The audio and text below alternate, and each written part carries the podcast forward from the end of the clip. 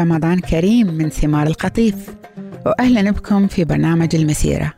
بنتعرف في مسيرتنا على قصة الله مع البشر من بدء الخليقة لحد ما تحقق وعد الله لنجاة البشر من خلال المسيح.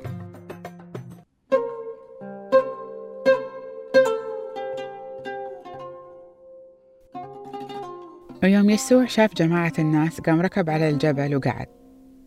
ويوم قعد تقربوا منه تلاميذه وقام يعلمهم وقال لهم هنيئا للفقيرين في الروح لأن من نصيبهم ملكوت السماوات. هنيئا للمهمومين لأن كربتهم تنفرد. هنيئا للحليمين لأنهم بيورثوا الأرض. هنيئا للجواعة والعطشانين للبر لأنهم بيشبعوا.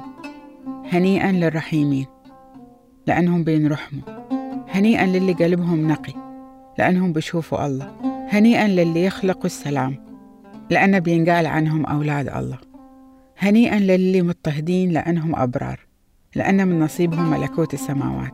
هنيئا لكم متى ما أهانوكم الناس واضطهدوكم وقالوا عنكم كلام خبيث وكل كذب سبتي. افرحوا هللوا لأن مكافأتكم في السماوات عظيمة لأنها كذي اضطهدوا الأنبياء من قبل. ترى أنتون ملح الأرض وإذا فسد الملح وش برجع له ملوحته خلاص يصير ما له فايدة وينرمي برا عشان تدوس عليه الناس.